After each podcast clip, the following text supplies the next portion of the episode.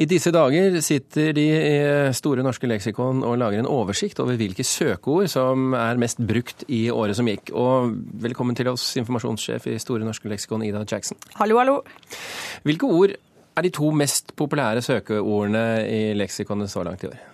Åh, det er litt vanskelig å si, men du kan altså eh, Fordi i leksikonet det er på en måte fire typer, fire grunner som gjør at nordmenn går i store flokker og søker etter ting.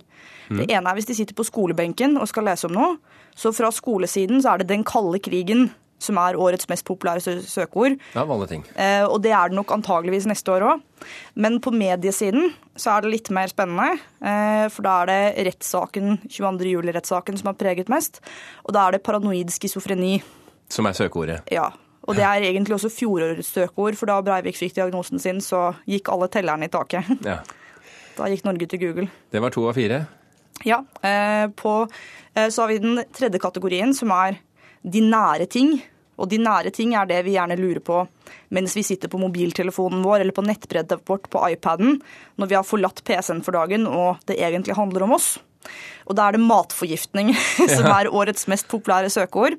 Det var aller størst i juli, eh, søkt fra mobiltelefon fra utlandet.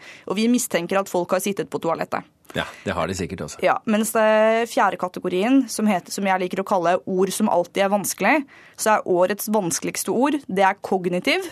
Ah. Uh, og jeg tror det er flere grunner til at kognitiv seiler opp som det vanskeligste og mest søkende. Det er delvis eh, pga. rettssaken, fordi det har vært eh, det store psykiatriåret i Norge.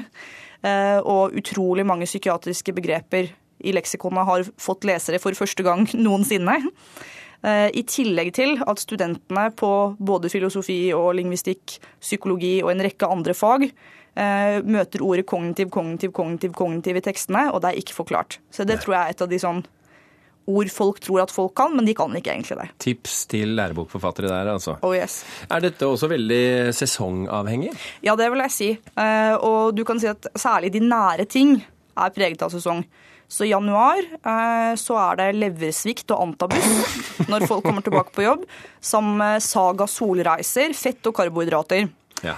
Eh, mens på, på, når vi kommer til mai, så er det bjørk og pollen som er de store søkeordene. Og på sommeren så er det da altså både brennmanet, flått, buorm og mitt favorittsøkeord til nå, ondsinnet kjempeslange fra flere tusen mennesker, også fra utlandet på mobil. Så her er det noen som sitter i Thailand og er nervøs. Eh, søkeord innen kulturen, da, siden du nå er i Kulturnytt. Eh, ja. Hva er mest populært? Altså, I tillegg til alle rettssaksspørsmålene, så er det ingen tvil om at det er Kon-Tiki og Thor Heyerdahl som har tatt den store folkelighetsprisen. Så, For det kom jo en film, ikke sant? Og hva skjedde da? Altså, eh, To uker før premieren, når medietingene begynner, sånn cirka rundt 10. august, premieren var 24. august, så begynner Thor Heyerdahl å stige opp fra dypet. Og han var ikke veldig mye søkt før. Eh, mens når vi går over i september, så er han det mest søkte ordet.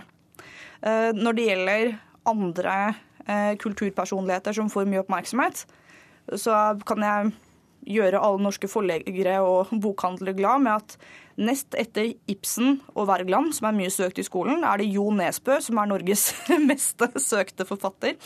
Og særlig rundt jul og påske så er det Jo Nesbø som svever på toppen.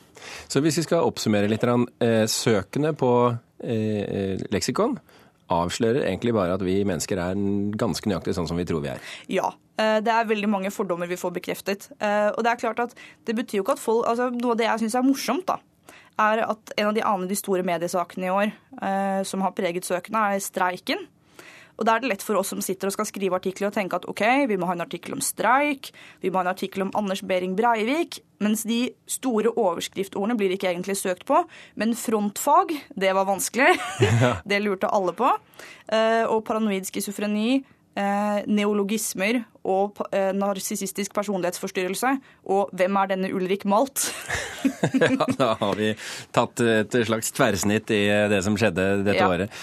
Ida Jackson, tusen hjertelig takk for at du kom til Kulturnytt. Bare hyggelig.